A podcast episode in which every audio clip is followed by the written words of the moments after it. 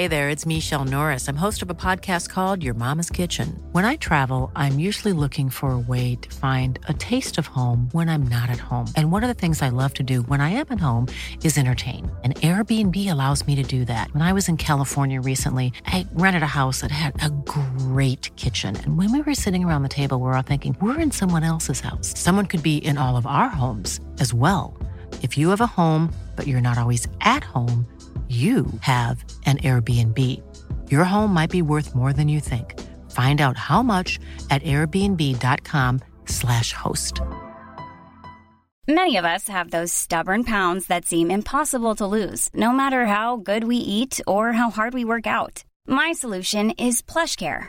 PlushCare is a leading telehealth provider with doctors who are there for you day and night to partner with you in your weight loss journey. They can prescribe FDA-approved weight loss medications like Wagovi and Zepbound for those who qualify. Plus, they accept most insurance plans. To get started, visit plushcare.com slash weight loss. That's plushcare.com slash weight loss.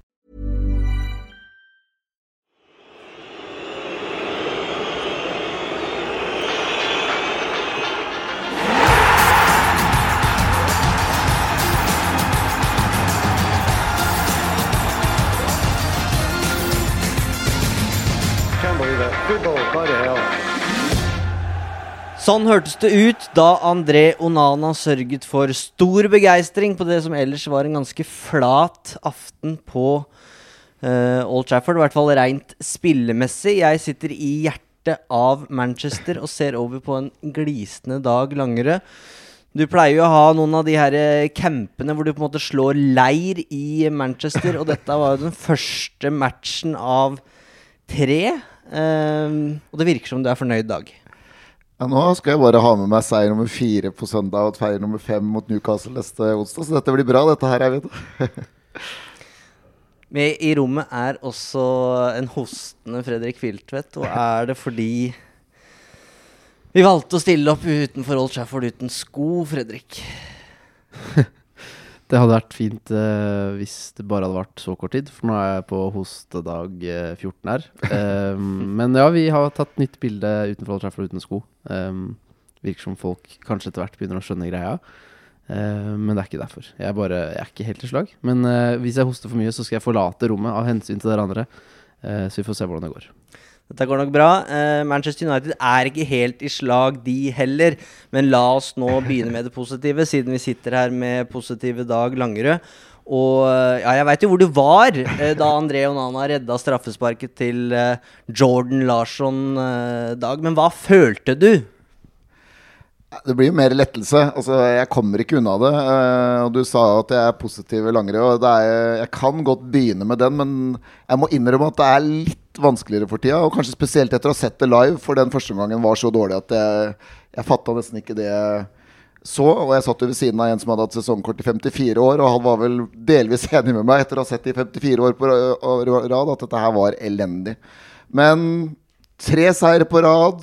Null. Onana redder straffer. Eh, Harry Maguire gjør det bra.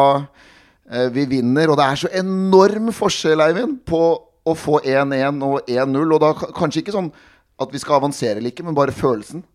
Og det samme med Brentford 2-1, og det samme med Sheffield United. Altså på en måte, så vi finner på en eller annen måte en måte å vinne på. Da. Og det tar jeg med meg. Men øh, jeg kan legge til et par gode ting hvis du absolutt vil ha hele Laggerød positive her. Men øh, det er noen grunner til å være, at jeg er litt skeptisk før søndagen mot City. Jeg har en liten mistanke om at det blir eh, nok av negative ting i denne episoden her ellers. Så jeg omfavner alt det positive du har å komme med, i Dag, før vi går litt dypere ned der. Hva mer positivt har du på hjertet? Christian Eriksen eh, kommer inn. Uh, jeg kan vel si det at vi diskuterte jo laget på forhånd, og jeg vil gjerne ha han inn fra start i en sånn kamp. eh, og jeg ser jo at Rasmus Høylund fortsatt er den spilleren jeg syns jeg har sett han på TV. Det vil si at han Det er noe der. Selv om ikke målene kommer nå, så kommer det, kom, er det et eller annet som ligger der, da. Men var det så fort å snakke meg ferdig, Fredrik? Var det? Nei, vi snakka om Christian Eriksen, og jeg satte jo opp våre vurderinger eh, på United.no før match. Og da blei det jo Amrabat og McDominay på Eller Mac Amrabat, da, hvis vi skal gå for den. Og det jeg husker jeg når jeg satt og skrev det, så tenkte jeg dette her er tungt, altså. Eh, og så er det et litt sånn seigt FCK-lag som kommer til å eh, være godt organisert. Og det, det er et vanskelig lag å bryte ned. Vil det være godt nok med McTominay og Amrabat uh, Paul Trafford der?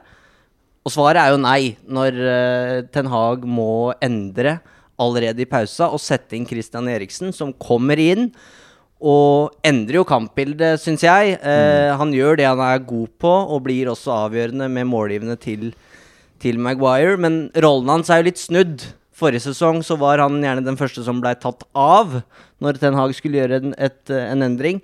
Nå er han den første som kommer på. Og nå er jo spørsmålet skal Ok, er det Casemiro og Eriksen som skal spille mot City på, på søndag? Jeg, jeg, altså Selvfølgelig det er veldig lett å være etterpåklok, men jeg syns jo den her egentlig var ganske åpenbar. For hjemme mot FCK så skal United selvfølgelig styre. Mens styrkene til McTominay og Amrabat, eller McAmrat som du så fint kaller det, Eivind, er jo ikke nødvendigvis med ball. De er jo mer krigere enn de har styrke som eh, Det er ikke de du nødvendigvis søker når du vil ha trygghet og skal spille deg ut bakfra. Eh, og det syns jeg United lider veldig av i den første gangen nå, hvor det er FCK som primært styrer. Jeg syns jeg mye, mye tydeligere ser et grunnspill hos de enn jeg ser hos United. Og det endrer seg totalt når Eriksen kommer inn. Så for meg var det en sånn åpenbar greie at Eriksen skulle starte mot FCK fordi vi- United skal styre. Det skjedde jo ikke, og en av grunnene er den konstellasjonen på midtbanen, tror jeg, da. Ja, det, det er et øyeblikk i kampen der òg hvor Amrabat får ballen godt inne på FCKs banehalvdel. Eh, ser seg rundt, ser ingen ledige United-spillere. Får jo panikk fordi det kommer en FCK-spiller i press. Ender med å måtte prøve å drible av dansken. Klarer ikke det, mister ball. Eh, og jeg syns jo også at Bruno Fernandes forsvinner i det puslespillet, når McTominay tydeligvis har fått frihet til å på en måte storme fram litt som en sånn Frank Lampard. uh, uh, i sin prime der. Og det, det, det, er- funker på en måte ikke for noen. Eh, og så løser det seg når Christian Eriksen kommer inn, og det var utgangspunktet for, for dette talking pointet, at Eriksen er positiv, da, hvis vi skal holde oss nå på den siden av skalaen. Og så var jo spørsmålet ditt også om Eriksen nå skal starte mot City. Og Ja. det syns jeg blir en helt annen vurdering igjen. Fordi da forventer jeg at det er City som skal styre. Og da er jeg vant til at Eriksen gjerne blir løpende litt imellom. Men United trenger jo å puste. Så hvordan skal han løse den? For mot City så trenger du ballsikre spillere som gjør at du får pusta og tatt vare på kula og roa ned når det trengs. Men jeg tror City kommer til å være såpass dominante at jeg tror heller ikke det er en kamp for Eriksen. For Du kan jo se for deg at det blir et pause i byttet også da. Ja, det kan fort skje. unnskyld, bytte i pausa, ja. Men jeg ville tenkt at det er eh, Altså, vi må, må vi gå tilbake til basic. Hva er det som funka forrige sesong, og prøve på det? For det vi gjør nå, det er akkurat som vi prøver å komme til et eller annet sted hvor Amrabat ikke er klar til å gjøre den jobben, og andre spillere ikke er klar til å gjøre de jobbene. Og da er det får vi kjøre Casemiro, Eriksen, Mason Mount eller Anthony, Bruno Fernandes i tier. Og ikke i sekser eller åtter, eller hva det er for noe. Og Rashford og Høylund. Og da har man egentlig et sterkere oppsett enn man møtte City med eh, forrige sesong. Da. Så kan man si at eh, det som kommer til å skje, det er jo at Bruno Fernandes kommer til å spille høyrekant, for det gjør alltid mot City. Det gjorde han i FA-cupfinalen, det gjorde vi da vi vant 2-1 hjemme forrige sesong også. Og så får vi bare se hvordan Eriksen benyttes her. Men jeg er sikker på at ja, jeg føler meg garantert at Erik Ted Haag kjører samme oppskrift nå som han prøvde seg to ganger. Og med sånn delvis hell mot City forrige gang. Da. Men uh, Amrabat er et eller annet med at det går så tregt. Og jeg må bare si at der er det som Christian Eriksen har, det, det er et eller annet, Du kan se på midtbanespiller. Hvem er det som orienterer seg 100 ganger i løpet av tre sekunder? Og han er en sånn spiller Han vet hele tida hvor han skal slå. Og der er Amrabat føler jeg at han har ikke den synken med resten av laget. Da. Så det blir for tregt, og, det blir for, og da blir det feil i forhold til alt annet. Og når tillegg da Bruno er dratt tilbake, og det er McTominay som kanskje har Og nå har jeg ikke sjekka statsen fra i går, har ti touch i en kamp som en tier. Eh, Altså Jeg skjønner at du har en ekstra tyngde i feltet på innlegg eller sånn, men eh, det, ja, det har ikke funka, da. Men igjen ah, Var det du positiv? Skulle Vi har tre seier på rad! Ja, og det som også er bekymringsverdig med disse tre seirene på rad, for min del, er jo at jeg håper jo hele tiden at den seieren og neste seier og neste seier der en skal føre oss på riktig spor igjen og gi oss den selvtilliten vi trenger, og som jeg tror seier i utgangspunktet skal gi, da. Men den syns jeg fortsatt åpenbart mangler. Fordi så fort det lugger litt, så føler jeg at det bare Det skjærer seg, på en måte. Det blir for knytt og energiløst, og de ser på hverandre og venter på hvem som skal ta ansvar. Og det jeg syns er veldig fascinerende her, er når du er på stadion kontra å se på TV, så er du mye mer med på en reise fra stadion. Jeg elsker jo å se på oppvarming, som du vet veldig godt, Eivind. Eh, og, og når jeg ser på oppvarminga, så ser jeg en gjeng som er i godt humør. De er fulle av energi. De snakker med hverandre på en positiv måte. Det ser ut som en kam- kameratgjeng som virkelig drar i samme retning. Jeg syns spillerne ser gode ut og påskrudd på oppvarming. Og så, Jeg vet at det er, det er bare en oppvarming, selvfølgelig, men, men spillerne er liksom Der syns jeg alt ser ut som en gruppe som sånn Wow, i dag skal de ut og prestere. Så går det to-tre minutter. FCK tar initiativet, får et stolpetreff, og så bare faller alt totalt sammen. Det er tilsynelatende en så utrolig skjør gjeng vi har med å gjøre. Så når det ikke engang får selvtillit av tre seire på rad, da, virker det som, hva da? Det er ikke så rart de ikke får selvtillit av de to matchene de har vunnet, for det har vært Great Escapes, og det blir jo det her også. Eh, så selv om jeg skriver eh, etter match at det øyeblikket her kan være større enn vi aner, så sliter jeg litt med å tro på det sjøl, fordi, som du sier, Fredrik, de, de er en gjeng, og det ser du med Altså Samtlige United-spillere løper til eh, André Onana eh, etter at den straffa er redda. Diogo Dalot slår liksom ut med knyttneven til United-fansen. Eh, du ser det på Bruno Fernandes, som slår igjennom Garnaccio der. Eh, som løper ballen inn til mål. Og, det, og han setter seg ned på kne, og det river seg i håret av frustrasjon. Så det betyr jo noe. Men problemet er jo, som du er inne på, at de får det ikke til. Og det er jo det Garnaccio-øyeblikket så beskrivende. De, I det avgjørende øyeblikket så glipper det. Så det er jo ikke, det er ikke egentlig garderoben eller samholdet eller som er problemet. Det er bare det at de spiller veldig dårlig fotball. Og det var jo tema på den pressetribunen i pausa òg, hvor folk Altså, VG-journalisten kommer til meg og bare hva, hva, hva er det her for noe?! Det er jo helt flatt! Det er ingenting! Dansk journalist som kommer til uh, Tyrone Marshall i lokalavis og spør Er det alltid så dårlig som det her. Eh, og det handler jo først og fremst for meg om at de klarer ikke å skape målsjanser. Eh, og jeg husker den der matchen mot City hvor de spilte i Busby Babes-drakter. Og United plutselig var De var så dårlige i den matchen. Og det har jo blitt sagt i ettertid at de blei liksom tatt av anledninga. Og det kunne også skjedd i går. Vi, vi kan snakke mer om markeringa av uh, sir Bobby Charlton, som var veldig fin og verdig. Men det var jo ikke Det kan ikke ha vært det som At de ble, anledninga blei for stor i går. Fordi dette her er jo bare et problem som har vært der siden den ligacupfinalen mot Newcastle. At United spiller bare ikke veldig god fotball. Og for meg så er problemet nå Marcus Rashford og Bruno Fernandes. Vi kan godt snakke om en backrekke som er full av vikarer og, og som ikke får spilt seg inn, men nå holder de jo faktisk nullen mot FCK, da. Men de klarer jo ikke å skape store nok sjanser, og de er ikke eh, De som skal avgjøre, er ikke til, til stede. Jeg ønsker meg 2020-Bruno tilbake igjen. Nå har vi mast om en spiss i mange år. Nå har vi fått den, og alle virker å være enige om at dette er bra. Dette her er fyren vi trenger. Dette er framtida. Men nå får han ikke den servicen som han skal ha.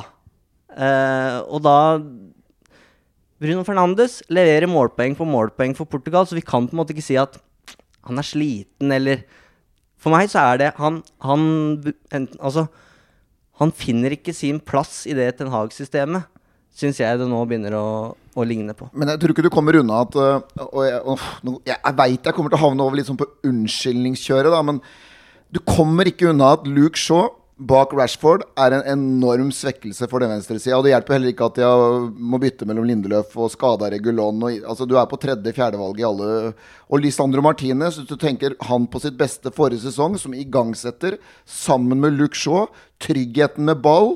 No, og det kan du da legge det til. Ok, da kan de spille sammen med Casemiro og Eriksen, som igjen kan sette opp Bruno Fernandes. Så det er nok noen følgefeil her, rett og slett av eh, problemene vi sliter med med skader. Men likevel så er det det som gjør at det liksom jeg ikke klarer helt å godta den unnskyldningen, er at det er fortsatt for dårlig. Eh, det er det som jeg syns du sliter med. Men du, det, er, det er en forklaring. Mm. Det, det, det mener jeg må folk må ta med. Mm. Men syns er du ikke Garnaccio er bedre enn Rashford når han kommer inn? Eh, for så vidt i går, ja. Men jeg har fortsatt eh, til gode nesten å huske hvor god har han vært i de kampene han har fått starte. Og det er vel sånn klassisk det også med Garnaccio. Eh, men jeg syns jo den beste timen i år, da, og det er litt sånn der jeg begynner angående City, som vi har i bakgrunnen alle sammen som hører på dette her, og vi som snakker, det er jo Den beste timen fotball vi har spilt, for meg, er bortekampen mot Tottenham. Som er et godt Tottenham, som vi vet nå. Uh, og da er det jo Casemiro, Mount, uh, Anthony, Fernandes, Garnaccio og Rashford, da, som var de. Og så har vi fått inn Høylund som et alternativ etter hvert. Så det er jo den gjengen der. De fiksa det. Og nå er Mason Mount helt borte. Altså Han kom jo ikke vel inn i går, gjør han det? Eller hvis ikke jeg Så Det skal vi ta etter hvert. ja. Ja. Så, men jeg, jeg skrev i pausen, gutter. Altså, Jeg skal være såpass ærlig, og nå er jeg uff, Jeg skulle gjerne ønske at jeg kunne være mer positive lagere for dere som liker å høre positive lagere, men hvor er det blitt av laget mitt, skrev jeg. For det laget jeg så i fjor eh, Ok, vi tapte de første par kampene, men det laget som begynte å juble for hver eneste vunne duell, da Uh, Og så har dere snakka litt, og vi er uenige om det, da, men etter denne ligacupfinalen, Vi kjørte jo over Aston Villa hjemme. Det var 9-0 i sjanser etter 35 minutter. Det er, det er jo ikke nå lenger. Vi kjørte over Chelsea hjemme, vi kjørte over Brentford hjemme, vi kjørte over Everton hjemme. Også etter denne ligacupfinalen. Så det er ikke sånn på en måte det bare har fullstendig kollapsa. Jeg var fornøyd med den sesongavslutninga. Men ingenting denne sesongen ligner på forrige sesong. Det laget som jeg tok til meg, er borte. Og jeg skjønner ikke det, for det, til tross for Luke Shaw og Lisandro Martinez og selvfølgelig skader, og Høylund kommer sent i gang og alt sånne ting, så skal det ikke være så dårlig. Jeg fatter ikke at det har falt så mye sammen. Og spesielt ikke når det vi hører fra Manchester stort sett, er at dette er fortsatt en gjeng som spiller for manageren eller spiller for hverandre. Da. Så jeg syns det er utrolig snodig å se altså Bruno Fernandes, som du sier. altså Skaper jo sjanser, skårer mål, målgivende på rekke og rad for Portugal. Riktignok i en enkel gruppe. Men de er liksom ikke helt å kjenne igjen. Marcus Rashford, da. Og den der, Du snakka om kvaliteten i går. Den siste før pause i går, når Marcus Rashford har en hel banealder å løpe, og så skal Sergio Regulon sende fram, og så blir det for dårlig kvalitet. Og det er akkurat det som skjer med Garnaccio. Det liksom, du, kvaliteten i de avgjørende øyeblikkene er for dårlig, og det er jo liksom Det har det vært i begge boksene, og stort sett litt for mye hele sesongen, da. Og det skal jo ikke være sånn, for det er jo egentlig spillere i 25, 26, 27 år sin best prime alder, da. Som plutselig er det så enkelt som selvtillit? Jeg skjønner ikke, jeg klarer ikke helt å godta det. For det mangler balanse, relasjoner, eh, presspillet. Som var, mener jeg, soleklart bedre forrige sesong. Og i sommer De angrep jo mot Arsenal og Real Madrid på femmeteren deres. Helt borte når sesongen starta. Litt sånn eh, skremmende også å se hva Mo Elionossi sier eh, i pressesonen etter kampen. Han sier at vi visste at Natik ikke kommer til å presse så hardt osv., så, videre, så vi får den ekstra touchen hele tiden.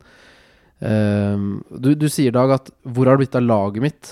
Og det er Det er så skremmende hva som For, for det skjer noe med det laget der ute på banen når Altså For jeg ser laget, lagånden, lagmoralen på oppvarminga. Jeg ser når Maguire scorer. Det er elleve mann som jubler. Onana aleine, men de ti andre de omfavner hverandre. Det ser ut som en gjeng. Og det ser ut som en gjeng når Onana redder straffesparket. Da er det også et lag der. Det er ikke sånn at det ser ut som noen er misfornøyd med hverandre. Men ute på banen, ikke sant, som du sier, det er ingen relasjoner. Det er, det, det, er, det er ikke et lag i det hele tatt. Det virker som når gir vi ballen til han, så håper jeg at han klarer å skape noe magi på egen hånd. Det syns jeg ser veldig sånn synlig ut. Da du overlater ansvaret til noen andre. Og så tror jeg altså som vi er, Prestasjonen til Marcus Rashford er én ting, men det der negative, elendige kroppsspråket hans, hvor han ut med henda, opp med henda, være slenger kommentarer, banner høyt Det hjelper ingen verdens ting. Det provoserer meg noe veldig. Og så har du også et hjemmepublikum, da, som er Det er helt greit. Jeg sier ikke at ikke, man, som supporter, og når du betaler for å se på noe, så har du din fulle rett til å si fra. Men det hjelper ingen verdens ting at det sitter eksperter på tribunen som hele tiden skal mene om hva spillerne gjør, og som buer i pausen osv. Jeg mener bare at man skal kanskje klare å lese klimaet litt, grann, da, som supporter på tribunen. Hva er det mitt lag som jeg heier på og skal heie fram? Hva er det de trenger for noe? Jeg, tror ikke, jeg syns ikke akkurat Old Trafford-publikummet klarte å lese det i går. Og de var også, det var stille som et bibliotek der. FCK-fansen. Christian Nilsen sa det da jeg var der for mange år siden. Det var pinlig fordi 3000 Hva sa jeg? Hva kalte jeg han? Eriksen. Christian Nilsen, Det har jeg ikke Eriksen kommer i studio på et eller annet tidspunkt, men har ikke vært, har ikke vært der ennå. Nei, men han sa det sist, at, eh, at det var flaut hvordan FCK-fansen herja med Old Trafford. Og det gjorde de i går også. Jeg spurte en av de i eh, FCK um, Lukter dere blod når dere kommer til Old Trafford. Han kunne ikke nikka mer enn han gjorde. Eh, og vi snakka jo med Moi etter matchen, og da spurte jeg han jo hva Altså, én ting er at dere kjører matchen i første omgang her, men er det litt overraskende? Uh, og da sier han jo rett ut at nei, altså jeg sa det til lagkameratene før match at her er det muligheter. Eh, de presser, men det er ikke aggressivt, så det, vi kan fint ta et ekstra touch. Og det er illevarslende. Uh, enkelt og greit. Men uh, ok, uh, ta deg litt vann, Fredrik, og så kjører vi en jingle. That's football heritage. Det som står på spill, det er Champions League-plass, og eh, det var jo ganske enkelt uh, det her uh, før avsparkdag. Uh, tre poeng er det eneste som gjelder, og det blei det til slutt, takket være eh, Harry Maguire og André Onana. De utskjeltes aften på Old Trafford igjen. Um, halvspilt gruppespill. Tror du at det blir sluttspill på Erik Den Haag og gjengen? Selvsagt. Eh, fordi vi er, eller ikke er Vi skal være et mye bedre fotballag, egentlig. Det er mye bedre fotballspillere i Manchester United enn FC København, og også Galatasaray. Og selv om vi skal til eh, København, og selv om vi skal til Tyrkia, så skal vi jo vinne de kampene. Og så veit jeg nå at jeg simplifiserer dette her enormt, for vi er jo ikke i nærheten, og de ser jo bedre ut enn de kanskje har vært. Uh, I hvert fall København. Uh, jeg så ikke på Galatasaray i går, men alt her Bayern gjør jobben sin, så alt liksom legges til rette for at vi går videre av den gruppa her med bare tre seire. Eh, men så gjenstår det å se om vi er gode nok til det. Men det skal også sies at bortekamp kanskje nå med det laget her i København blir noe annet enn en hjemmekamp. For det er, i bortekamp så kan United i teorien også tillate seg å legge seg litt dypere og spille på ja, Kan vi kalle det styrkene våre? Har vi noen styrker nå lenger? Men, mm. vi, kan, vi kan satse på kvali kvaliteten et Rashford og Garnaccio eller Høylund og bakrom. Ja, det, det er et kampbilde som utvilsomt kan kle United bedre uh, i den situasjonen dette er nå. Uh, og jeg, men jeg, jeg eh, pleier å være naiv og positiv og tenke at dette ordner seg. Jeg tror ikke det ordner seg i gruppespillet her. Jeg tror Oi. ikke United har tre poeng i parken. Og jeg har ikke sett kampen mellom Galatasaray og Bayern selv. Det endte med Bayerns seier, men jeg hørte og leste at Galatasaray, Galatasaray kjørte ganske kraftig over dem i store perioder og hadde mange, mange store målsjanser. Så er det mye som kan skje fram til da, men United skal også slå Bayern hjemme. Så her er? Nei, men sånn altså hvis, ikke, hvis det er ett poeng i parken, da, så må dere slå Bayern hjemme. Og så trenger dere poeng i Tyrkia også.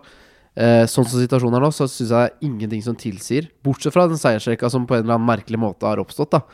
Eh, så jeg er ordentlig bekymra for at dette ryker, og det syns jeg i så fall er pinlig. For dette er en gruppe United selvfølgelig skal komme seg videre fra. Men jeg håper du jeg håper du har rett. Jeg håper selvfølgelig jeg har feil.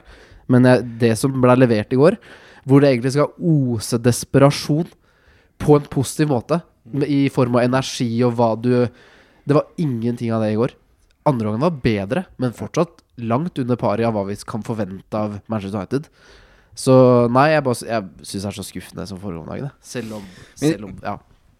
pressekonferansen til Eller kroppsspråket til Erik Den Haag på pressekonferansen syns jeg også er litt bekymringsverdig, fordi det vitner, ikke om resignasjon, men jeg, jeg innbiller meg at han har forsøkt å ta noen grep her, jeg, eh, på, på treningsfeltet. Dere snakka litt om det i forrige episode, Fredrik, at eh, United spiller ikke den fotballen som Ten Hag ønsker. Eh, og så ser han som alle andre at her dette, dette funker ikke. Og jeg, jeg kan se på meg at han har forsøkt å gjøre endringer, men får på en måte svar nye svar i går på at de endringene jeg prøver å innføre på Carrington, de, de kommer ikke til syne på Old Trafford. Um, men ok.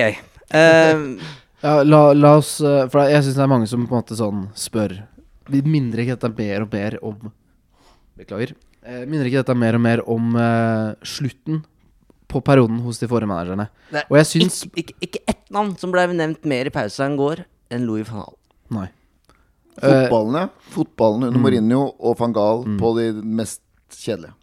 Og jeg, jeg er jo både helt uenig og skjønner også hva de mener. For jeg tenker også at måten dette de spiller på nå, er på en måte hvor, hvor det ser ut egentlig som De, de gir ikke alt for laget eller manageren. Det er jo sånn det, prestasjonene ser ut.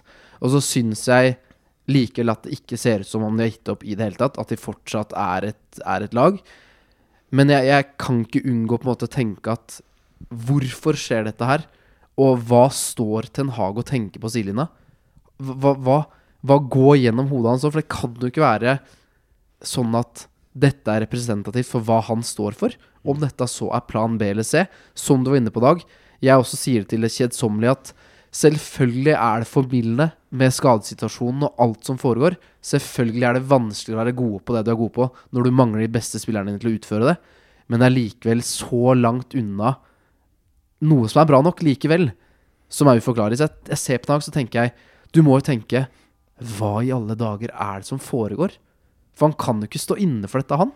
Det nekter jeg å tro på. Men så, men så er det jo også det her eh, Og nå skal jeg prøve Nå er det litt positive langere her. Jeg syns du Ja, leverer som bare det. Ja, litt positive langere fordi eh, det ser jo ikke bra, nok, bra ut. Det er vi enige om. Og det tror jeg alle, de fleste som hører på, også er enige om. Samtidig så er det sånn at eh, når vi har spilt mot de gode lagene Etter 88 minutter borte mot Arsenal så hadde vi 2-1 i noen sekunder. Og kunne ha vunnet kampen. Eh, borte mot Tottenham, serielederen, eh, det suverene laget som bare får skryt fra alle steder, så var vi best. Og skulle leda eh, i 45-60 minutter. Eh, så vi har jo på en måte De gutta her er akkurat som Spiller vi mot Barnsley, da er det 1-1 etter 88 minutter. Spiller vi mot Arsenal, da er det 1-1 etter 88 minutter. Da. Og prestasjonene er ikke, så er ikke gode nok der. Men hvis jeg nå skal bare få lov til å avslutte med den, der, den siste positive lageret her, så er Vi har jo faktisk klart, på en eller annen rar måte, jeg tror du sa i stad, å raske med oss ganske mye poeng her, da. Hadde det ikke vært for disse fire dagene mot Palace og Galatasaray, Eh, så hadde vi faktisk hatt 18 poeng og kunne kommet likt med City til helga hvis vi slo de. Og vi, hvis vi hadde hatt 6 poeng etter å ha slått Galatasaray og også København hjemme nå, så ville jo Hadde vi sittet her nå da etter 3-1 mot Galatasaray og så vunnet 1-0 etter den kampen her i går, så ville vi kanskje liksom vært ok fornøyd. Så det er Prestasjonen har ikke vært bra nok, men på en eller annen måte så har de jo klart å dratt med seg en del til nå, da. 15 poeng er ikke krise per definisjon. Og hvis vi hadde hatt 18 og kunne kommet likt med City med seier til helga, da det det er liksom Det er jo akseptabelt hvis du tar den delen av det. Det er jo det som ligger bak, som er problemet. Fordi du føler jo at du ønsker mer etter forrige sesong. Det bare føles så tilfeldig. Det er så vanskelig å stole på at denne gjengen her Den skal gå ut og prestere på en måte som gjør at du fortjener tre poeng. da Du må grave så dypt, og det overlates til tilfeldighetene. Det er stolpetreff og strafferedning og et Harry Maguires hodestøt som på en måte redder det hjemme mot FCK. Og det er gjennomgangsmelodien. Det er sånn det er om dagen. Eh, så jeg også håper jo ikke sant, eh, United-spillerne legger jo merke til at måten vi vinner på, er jo ikke nok til å gi oss selvtillit. Men håpet mitt har vært at den seieren, den trepoengeren og den følelsen skal sprøyte inn litt sånn Kall det falsk positivitet og optimisme og selvtillit, da. Men det også uteblir. Jeg syns ikke det er noe progresjon fra Brentford-seier til ehm, Burnley Ja, nå har jeg mista oversikten. Men altså, de tre seirene vi har tatt, da. Det er ingen progresjon. Og det er den jeg ser for meg at du skal få gratis når du vinner fotballkamper. Kanskje spesielt på hjemmebane. Det, Ja. det er et eller annet med det der For bortebane har vi fått litt sånn Der har vi såra dyr. Men på hjemmebane så Altså, vi tapte én kamp forrige sesong, ikke sant? Eller én kamp i ligaen og én kamp i Europa veldig tidlig. Og så gikk det et år uten tap. Og så er vi liksom Ja, det er, det er, det er marginer, eller flaks, rett og slett, eh, som gjør at For alle veit jo at Onana vil jo slippe inn det skuddet der sju av ti ganger. Eller ikke Altså en straffespark sju av ti ganger, selv om han er god. Og du vil jo ikke få McTommene i 94. og 97. eller hva det var for noe, for ofte. Og det er det som er eh, spesielt her, da. Men her, eh, nå skal ikke jeg liksom bare kuppe hele greia her, men er det lov til å snakke om det med selvtillit? Du får jo ikke selvtillit av prestasjonene, men Harry Maguire må jo få selvtillit Har du statistikken på stående fot? over Nei, han har jo god uh, seiersprosent. Er Jeg mener i Sky News snakka om 16 seire på rad eller noe sånt fra start. Kan det stemme? Uh, og jeg bare, hvis jeg får lov til å bare si en ting Jeg tror Det der med selvtillit, da. Han håper jeg virkelig kan dra med seg selvtillit av det. Han må jo se at, vet du hva, man of the match, uh, scoring i går, avgjørende betydning, at det virkelig betyr noe. Og da betyr, må jo det bety mer enn hva som skjer på sosiale medier. Men Tenk så forløsende. Hva, hva er det han har sett for seg i, i beste fall når han ble vraka match etter match i august og september? Det må jo være at ja, her er jo mulighetene mine at eh, United tar seg videre i ligacupen. At jeg kanskje får noen muligheter der sammen med John, Johnny Evans, og, og kanskje skårer et heldig mål der. I stedet inn i Champions League, avgjørende scoring foran Stretford End, og blir heldigvis hylla uh, for det. Den følelsen han må ha Han spratt faktisk nesten ut av den pressesonen. Altså Beklager at han ikke kunne snakke fordi han hadde snakka 25 minutter på, til TV. Eh, så det der er en eh, forvandling, ikke bare av fotballspilleren, men av mennesket, vil jeg tro. Ja, men det er ekstremt gledelig og fortjent at han får den oppturen her. Oppturen her og eh, det, du ser jo at eh, Du ser at det er en spiller med selvtillit nå, eh, og det er helt fortjent. Og eh, det øyeblikket når han blir intervjua live på TV her, når eh, Old Trafford begynner å synge Maguire-sangen Harry Maguire Og du bare ser at han, han ser opp og blir oppriktig stolt og glad. Da. Det, det unner jeg han så sinnssykt. Eh, og så syntes jeg at United fikk en dødball, hvis ikke jeg husker helt feil, rett i forkant av skåringen. eh, hvor det ikke blir noe av, og så kommer det et innlegg i ettertid. Og på den dødballen tenker jeg det, det må Maguire til på en dødball eller noe. Det må det, det til i dag. Uh, men nei, det var bare utrolig sånn deilig for han. Uh, og tenk at alle brikkene Det er Uniteds ulykke har blitt hans lykke på en eller annen måte. Eh, men han ser ut som han har selvtillit, utvilsomt. Og, og det trenger han. Det, det, det må vi unne han. Har jeg lov til å rette en pekefinger til folk også, om, eh, når jeg tar Maguire her? Fordi eh, de første to åra Det lages noen greier om at han alltid har vært dårlig for United. Det har han ikke. De første to åra under Solskjær så var han god. Vi gråt innvendig når han mista Europaligafinalen. Eh, og så har han hatt to sesonger som har vært forferdelige. Selvtilliten borte, dårlige prestasjoner, berettiget kritikk.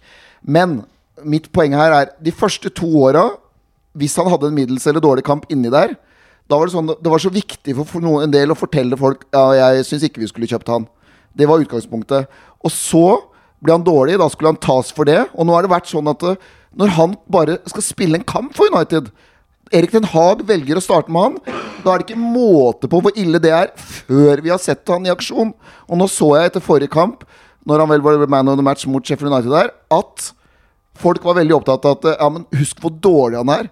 Så uansett nesten hva han har gjort, så blir vinklinga negativ. Og det syns jeg ikke hø hører hjemme. Altså For det er åpenbart at han fortjener kritikk for mye av det som har skjedd. Men når en spiller leverer en god kamp, så må det være lov til å si til det at dette her var bra. Uten at vi skal dra fram det som er dårlig. Akkurat som at når han gjorde en dårlig kamp de første par åra, så var det liksom sånn Ja, da skal det så viktig å fortelle alle hvor dårlig han har vært. Altså, så han har alltid måttet leve med negativitet. da Og så skal jeg ikke Jeg har ikke fått sett hele den der Beckham-greiene, men jeg har skjønt liksom at han fikk Nei, fordi jeg skulle se den med kona. Kona har ikke hatt tid. Da, da er jeg i Manchester kanskje nå, da. Men ok. Eh, Snakk om å motta kritikk, da. Men det er jo å stå i det kjøret han har hatt nå i to år. Vi har jo alle egentlig ønska han vekk. Selv vi har jo ment at det riktige for han og United ville vært at han fortsatte karrieren et annet sted. Og så har han stått i det, og han har fått med seg selvfølgelig alt av det greiene der. Og så kommer han tilbake og leverer det. Og så er det bare to kamper. Og det kan godt hende nå mot City, hvis han spiller da som han fort gjør, eh, blir syndebukk eller gjør noe dårlig, og da får han kritikk for det. Men ikke bruk liksom en god prestasjon til å bare minne, ham- minne oss nå på hvor dårlig han er. Kan vi ikke bare være litt glad på hans vegne? Som supportere. Det er jeg liksom litt opptatt av. At vi ikke liksom at han, Skal han måtte leve Hvis han har en god sesong, skal vi han måtte leve med å høre med hvor ræva han var de to forrige sesongene, at det ikke betyr noe? Nei. Helt enig. Og jeg tror eh, Jeg leste på Twitter eh, før kamp i går at dette var første gangen under Ten Hag at Maguire starter tre kamper på rad. eh, hvis det stemmer. Eh, også Det i de, i, og i de tre kampene også så er det en målgivende på overtid til Scott McDominay. Det er nullen borte mot Hjelp meg, jeg husker ikke hvem vi spilte mot i helga. Eh, Sheffield United. Vi hadde ikke nullen. Nei, det hadde vi ikke. Det hadde vi ikke, faktisk. Eh, men en god kamp av Maguire borte i helgen. Seier. Og nullen og avgjørende mot FCK. Så han er inne i en bra periode, og det skal vi berømme han for. Og så skal vi vurdere han på rettferdig grunnlag neste gang han presterer dårlig eller godt igjen. At vi tar kamp for kamp. Og så er det lov å hylle folk for gode perioder. Det syns jeg selvfølgelig er viktig. Og så er det ikke sånn at uh, Bare for å avslutte fra min side på det. Det er, altså, det er ikke sånn at vi Med Martinez ute, da. Så kan man si Victor Lindeløf syns jeg var, egentlig var foran han klart i fjor. Men det er ikke sånn at Victor Lindeløf har vært blendende som midtstopper når han fikk sjansen tidligere i sesongen, han også. Og så har jo John Evans vært god, men det, følelsen er fortsatt at John Evans er denne backup-spilleren som brukes innimellom. Han, selv om John Evans har vært god, så er det ikke sånn Han kommer ikke til å starte med å sitte, tror jeg. Nei, han, og dette, denne rekkefølgen i køen Den Ja. endrer seg veldig fort. Ja. Men, eh, men for min del er det klink at Evans er bak Lindløv og Macar i en sånn kø. A lot can happen in the next three years. Like a chatbot may be your new best friend. But what won't change? Needing health insurance. United Healthcare Tri Term Medical Plans are available for these changing times. Underwritten by Golden Rule Insurance Company, they offer budget friendly, flexible coverage for people who are in between jobs or missed open enrollment. The plans last nearly three years in some states, with access to a nationwide network of doctors and hospitals. So, for whatever tomorrow brings, United Healthcare Tri Term Medical Plans may be for you. Learn more at uh1.com. Many of us have those stubborn pounds that seem impossible to lose, no matter how good we eat or how hard we work out. My solution is PlushCare. PlushCare is a leading telehealth provider with doctors who are there for you day and night to partner with you in your weight loss journey. They can prescribe FDA-approved weight loss medications like Wagovi and Zepbound for those who qualify. Plus, they accept most insurance plans. To get started, visit plushcare.com slash weight loss. That's plushcare.com slash weight loss. I'm Sandra, and I'm just the professional your small business was looking for. But you didn't hire me because you didn't use LinkedIn jobs. LinkedIn has professionals you can't find anywhere else, including those who aren't actively looking for a new job but might be open to the perfect role, like me. In a given month, over 70% of LinkedIn users don't visit other leading job sites. So if you're not looking on LinkedIn, you'll miss out on great candidates like Sandra. Start hiring professionals like a professional. Post your free job on linkedin.com/people slash people today. Uh, jeg syns også Maguire er foran Lindløv i køen nå. Nå syns jeg at Lindløv har gripet de sjansene sine den, han har fått denne sesongen. Men i fjor var det sånn åpenbart at Lindløv var foran Maguire i køen. Det, men ting endrer seg fort. Og, og, Og så må si, det være. Jeg lov til å si én ting til også. Bare sånn, for nå er jeg bare langt inne i Maguire-landet. Sorry, altså, men han har jo egentlig aldri gjort så mye gærent. Altså, han har vært dårlig. Og så har han sagt noe som har irritert folk om at jeg har ikke trengt å måtte bevise bevise ja, noe. men vi, Ja. vi, vi må skille litt, fordi én ting er kritikk som vi leser på en måte fra eh, globale fanbasen, da. Eh, en annen ting er på en måte det som skjer eh, blant våre nærmeste venner av podkasten på kommentarfeltet til United.no. Og det, vi må bare skille når vi snakker om kritikere, fordi, fordi det er et stor forskjell på en måte hets på sosiale medier og de som bare måtte, Påpeker at det ikke er bra nok. relativt saklig sier at uh, han er ikke god nok. Mm. Uh, og det må vi på en måte kunne si at det har han jo ikke vært. Det vil han jo si sjøl også. Nei, men jeg ser jo også på våre plattformer, eh, etter å ha jobba med kommentarfelt og Facebook-grupper, at det, det er nok litt av alt. og det, sånn er det jo bare. Men sånn er, sånn er verden blitt. La meg si en siste ting om Maguire. Han er jo, han er jo Maguire-spesial. Ja, det ble det. Men han er jo veldig heldig i går òg. Fordi han har jo den eh, grusomme feilen hvor han slår en risky pasning som blir lest, som gjør at FCK kommer gjennom. Og så er det vel stolpen som redder United fra baklengs der, tidlig i kampen. Så det er jo veldig lite som skiller eh, himmel og helvete. Vi skal kjøre en eh, jingle før vi går videre. Vil du fullføre Maguire-sangen, eller? Uh, Nå må fuck- du. Er det lov, du har ikke lov til å si det ordet på norsk? Jeg å si Fuck no Leicester to Manchester. Det har vært en slags during i bakgrunnen her, eh, og det plukka vi opp litt seint. Men det er rett og slett en ovn som har stått på i hovedkvarteret til supportklubben. Den er nå skrudd av. Så vi håper ikke at vi har mista noen lyttere på veien pga. Ul ulyd. Um, men vi har snakka mye om Maguire, men han vi skulle snakka om i dag, det var jo Rasmus Høylund. For det her var Høylund-derby. Familien hadde en egen boks på Old Trafford med plass til 20 personer. Og de må jo ha holdt pusten når eh, Rasmus blir spilt igjennom av eh, Rashford i første omgang der. Smeller ballen over, men han klarer jo ikke å replikere det showet han holdt mot uh, Galatasaray. Uh, men en veldig fin sekvens i mixzone etter match, hvor det var to stolte En stolt lillebror og en stolt storebror. Først kommer Oscar ut og snakker om uh, at det var stort å spille på ikoniske Old Trafford, selv om han er Chelsea-fan. Og så kommer storebror og Christian Eriksen tuslende bak, uten at uh, Oscar er klar over det. Og Rasmus, sånn klassisk sånn brødrebanter, slår liksom litt borti mikken for å prøve å sette lillebror ut av spill. Um, og så legger han um, armen rundt skulderen hans, og så blir det noen uh, flotte bilder til uh, danske medier der. Og det gir et, eh, et langt og fint eh, intervju som avsluttes med at uh, Oskar sier nå må, jeg, 'nå må jeg gå', for nå, nå kjører uh, bussen, liksom. Uh, hvorpå Rasmus uh, liksom avbryter at 'hallo, de holder den bussen i ti minutter for oss'. Mor og far er her, liksom. Så det har jo handla veldig mye om Høylund-familien. Eh, tvillingbroren til Oskar spilte jo Emil spilte jo på, på for U19-laget tidligere på dagen. Eh, de var jo aldri på banen samtidig, men en stor og spesiell dag for eh, familien. Eh, selv om det ikke blei scoring. Det, det sto jo egentlig skrevet i stjernene, men det blei ikke sånn. Det er det som har vært eh, litt typisk for Høylund hittil, syns jeg. At eh, han er god, og så nære så ofte. eh, og så uteblir skåringene. Så jeg, jeg tror det, jeg, Det skal så lite til, da. Det er liksom marginene jeg fortsatt bare snakker om når det gjelder han.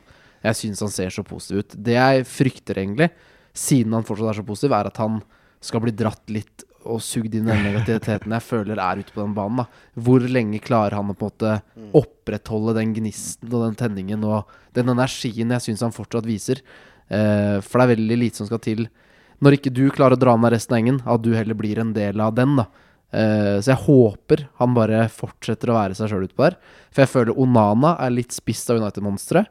Eh, ser ikke de styrkene han Han har blitt eh, it, Sånn, for å sette på spissen DG kunne like gjerne stått, for det slås nesten bare langt nå. Det er ikke noe frispringsfase med Onana bak der lenger. Hadde vel to utover sidelinja i går, i hvert fall. Så det, det så ut som på en måte en De Gea-keeper i mål, da. Eh, jeg tror det blir bra på sikt. Skal jeg ikke spore helt fra Rasmus der. Det er bare det er, det er ikke så mye skal til før du blir slukt av noe som er større enn deg sjøl, da.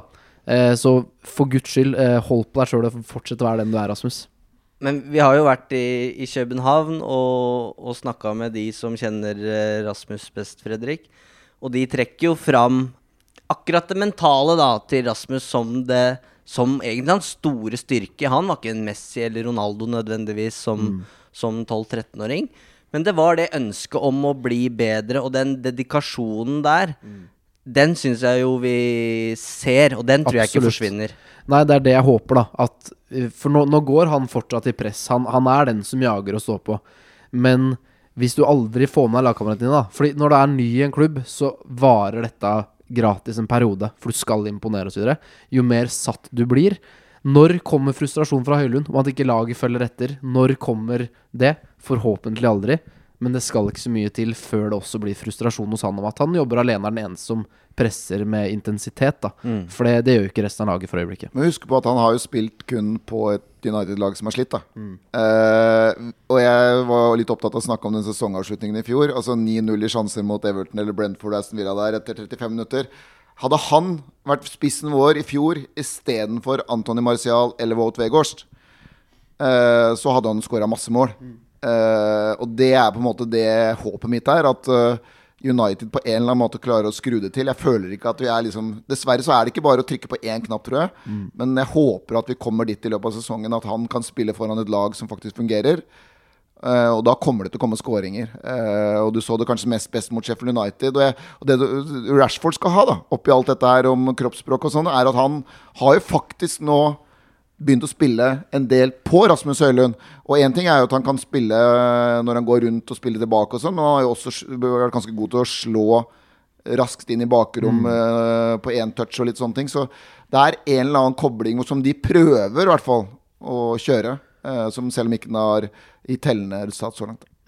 Han sier jo det etter match at eh, laget begynner nå å forstå bevegelsesmønsteret mitt. Og i det så ligger det jo også en innrømmelse i at det har vært, om ikke startproblemer, så det, det krever litt tid da, for at eh, Rasmus Høylund skjønner hvordan Bruno Fernandes tenker, og omvendt.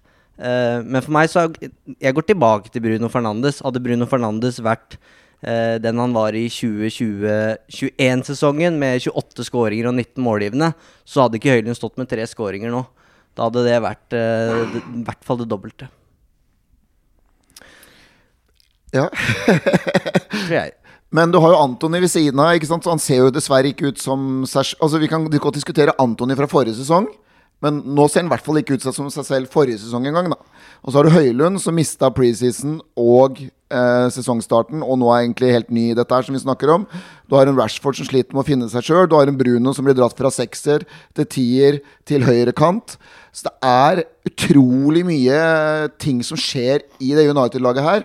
Og det ene, ja, Vi spilte vel med samme backfirer to ganger på rad én gang denne sesongen, her og da var det med Evans og Maguire og Liddeløf på bekk. Så det er liksom sånn Det er veldig rart å snakke om dette United-laget her, for det er og der må jo kanskje da vår kjære Ten Hag også Jeg sier ikke kanskje, faktisk. Han må ta litt ansvar for det. For det er han som gjør de valgene her. Det er han som velger å kjøre McDominay som tier for å prøve å bygge videre på de målene han har hatt og sånn.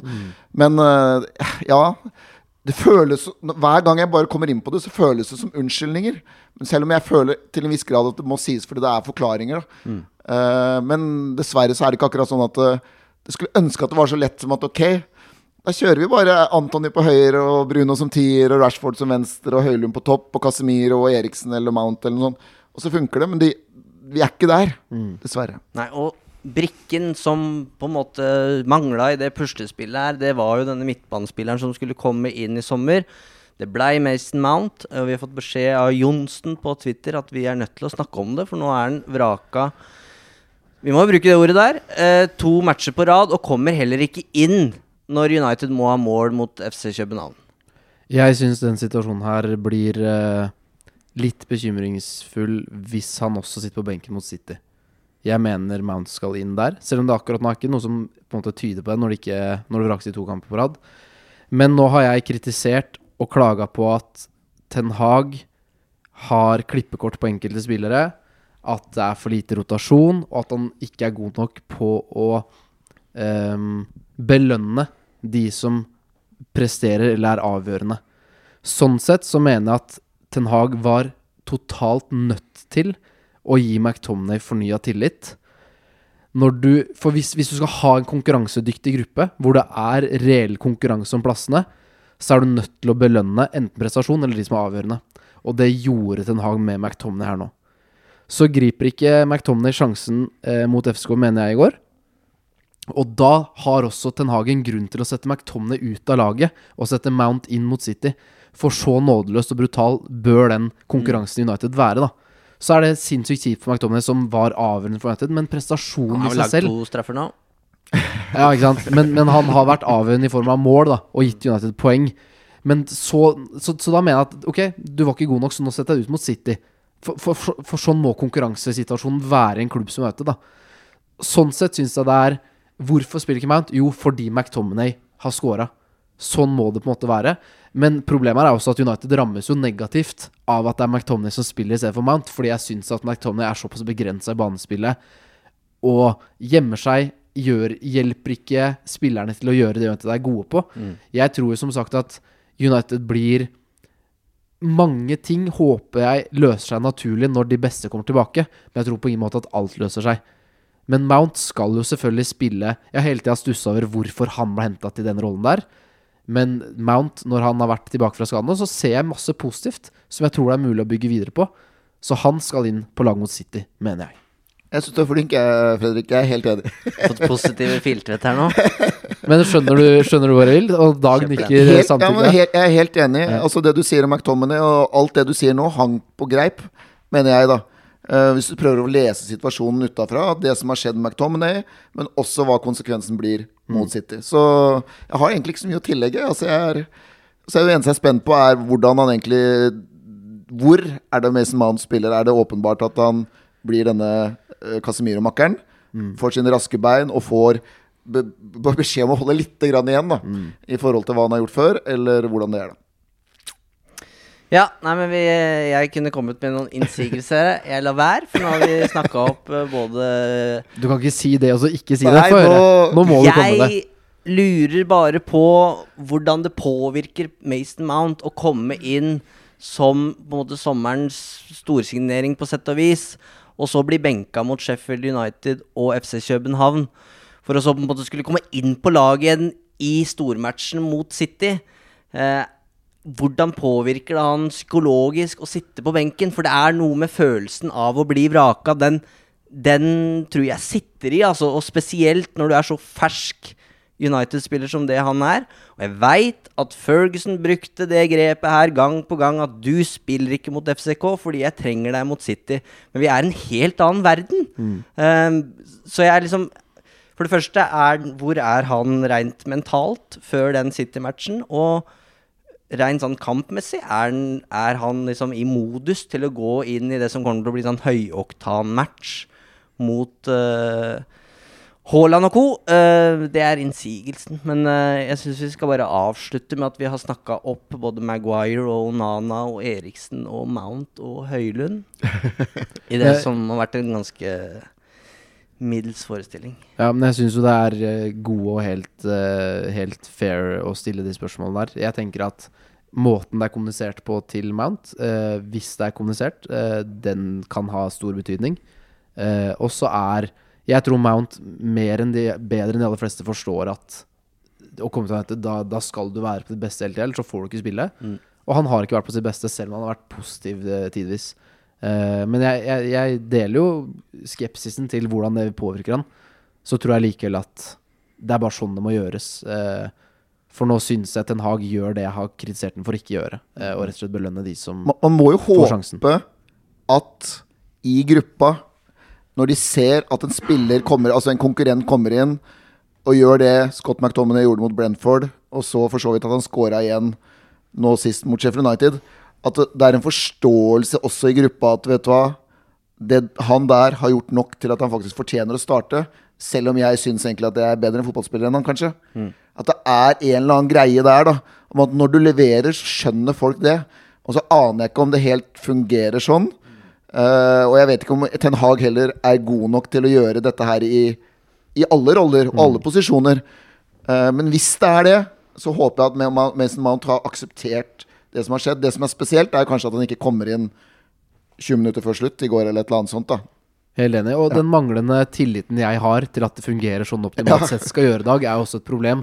Og hvis man skal lese litt mellom linjene i Sancho-situasjonen, der han også har vært veldig frustrert og sier at Ten Hag har på en måte ikke holdt det han har lovet, og står ikke for det han sier, er jo en lit, jeg har gitt meg en liten følelse av at det er det klippekortet til Anton ja, som også er et problem.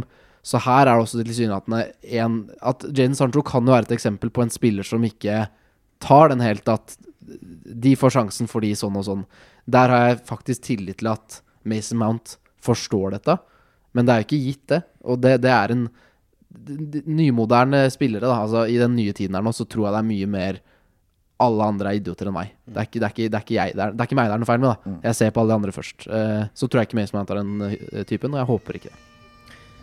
Ok, da skal vi eh, runde av.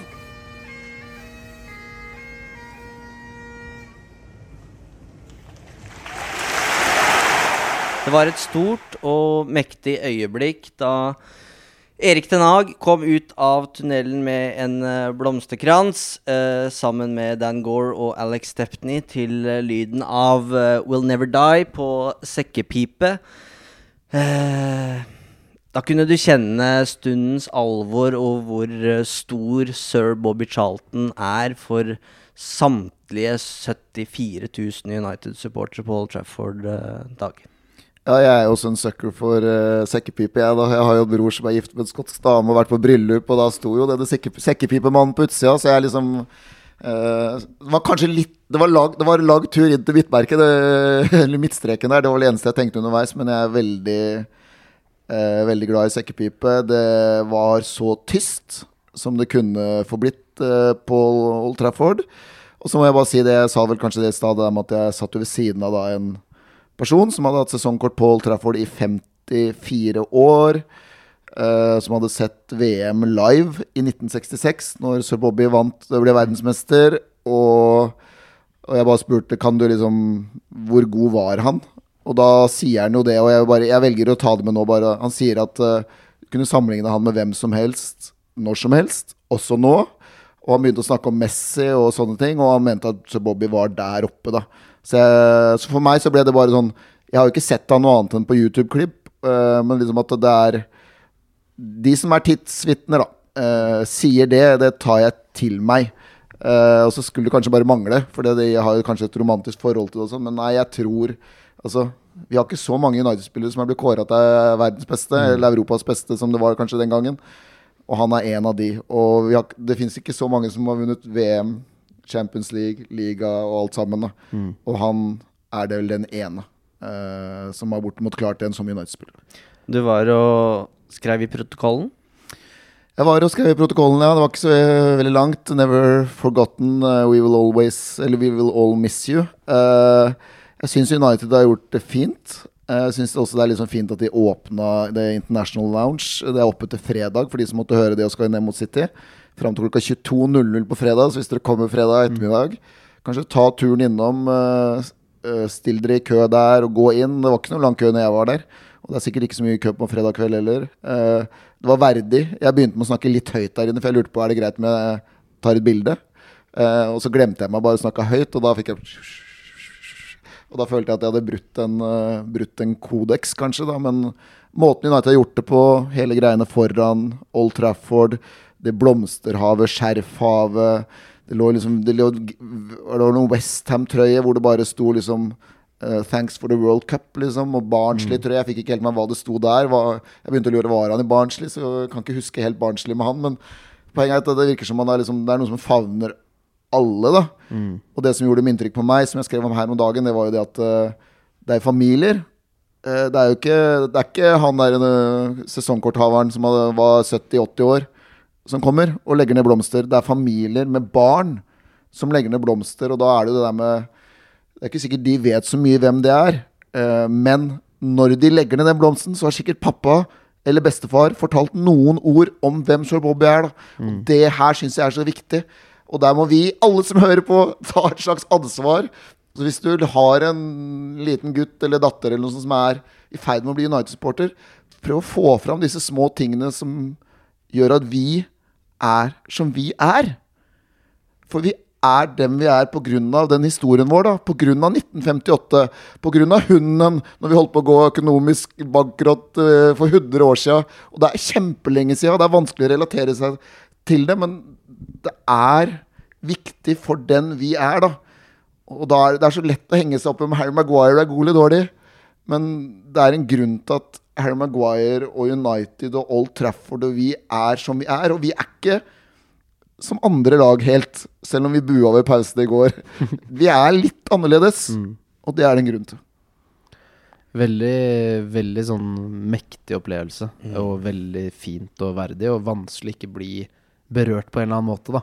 Når man ser blomsterhavet ved Trinity-statuen, og bare på vei inn så er det en litt sånn Det er en Sir Bobby-stemning der, veldig tydelig i går, da. Og Eh, og FSK-fansen som også bidrar eh, og hyller eh, på tribunen her. Altså, Christian Nilsen hadde nok eh, forlatt Old Trafford før avspark hvis han var der i går. For dem, dem slang også så mye dritt til United-fansen. Og, og det var trøkk, altså, i, i bortesvingen der. Eh, så Nilsen ville nok frykta en reprise der. Men så begynner de å synge 'There's Only One Bobby Charlton', og løfter jo da også et banner eh, under markeringa. eh, 'Passion is what separates the good from the great'. Det er klasse. Klasse. Ehm, det er ikke noe man forventer lenger. At folk måtte I hvert fall ikke mot United. For Som Christian Nilsen sa i forrige episode, at eh, alle United-spillerne ble bua ut. Men når Sir Bobby, Sir Bobby kom ut fra bussen, så var det liksom Hey, Bobby, wave! Eh, så det var noe spesielt med han, helt åpenbart. Og det var, eh, det var en fin måte å markere det på i går, syns jeg. Jeg trodde forresten at egentlig danske supportere var sånn hyggelige, men det var jo bare shit that you know you are og hele, hele veien. um, og så var det veldig Det var veldig nakent, den markeringa. For jeg, jeg mistenker at den sekkepipa egentlig skulle vært på P-anlegget.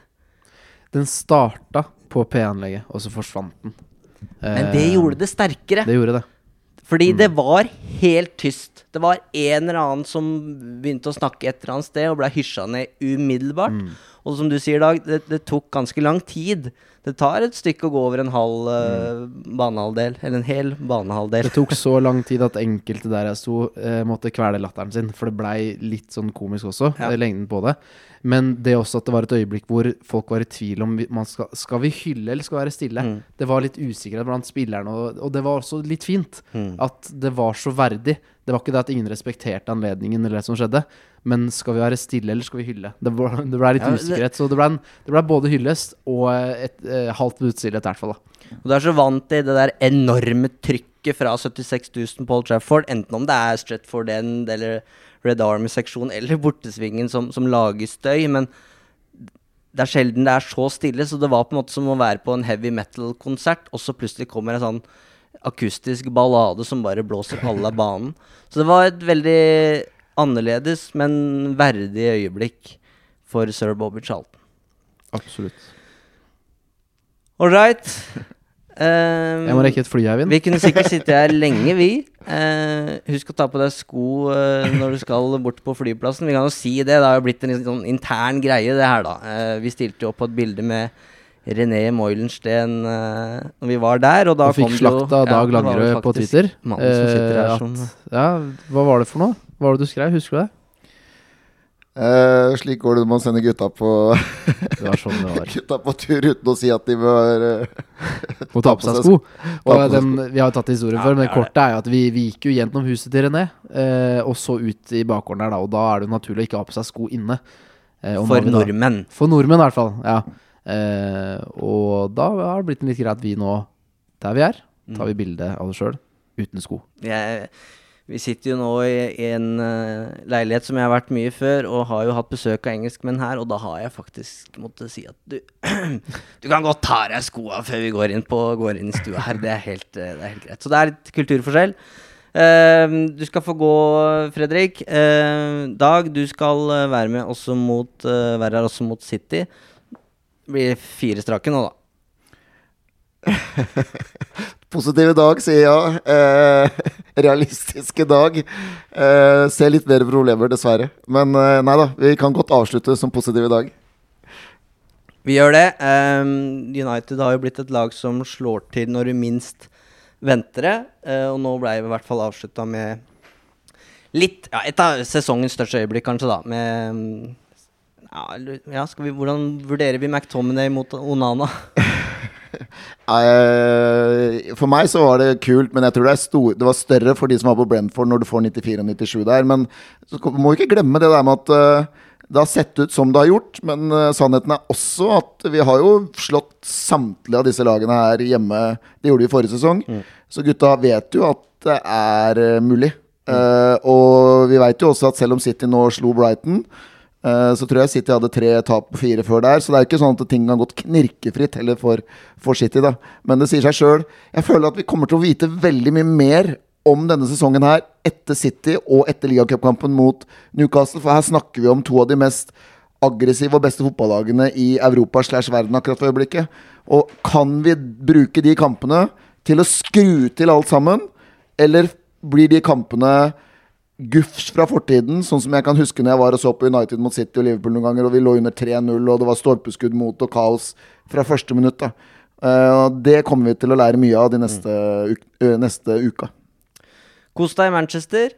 Uh, har du sånn siste reisetips? Den vi får noen spørsmål om det. Der har ikke vi helt levert, men jeg vet at du er ganske ivrig på å få det meste ut av tida di når du er i Manchester. Eh, følg med på united.no, for det kommer til å komme Målet jeg, Vet du hva, nå skal jeg si det høyt. Ja, Målet deilig. er annenhver dag fra når jeg er tilbake herfra, resten av sesongen, så skal det være tips om Manchester. Ting som gjør at denne byen her er verdt å reise til. Ting som kanskje gjør at du har mer lyst til å reise for å se på United, men også oppleve byen da, på sitt beste. For det er en utrolig kul by med så mange muligheter. Eh, god mat, god drikke selvfølgelig, og alt sånne ting. Men også du kan leke, du kan være guttegjeng, du kan være familie. Du kan ha med ungene. Og du kan gjøre egentlig så mye kult her, da. Og det har vi lyst til å bruke United.no til å fortelle litt mer, eh, mer om. da Så følg med der for eh, gode tips fra eh, reiseleder Dag Langerød. Eh, takk for følget til dere som har vært med til The Bitter End. Her er en liten godbit. Vi lar Rasmus Høylund avslutte dagens Uno-episode. Bliver du lige derude, så, så fanger vi lige hinanden. Jamen, øh, de, øh, Ej, så må jeg lige holde 10 minutter for at sige. Nej, det er min mor og far her.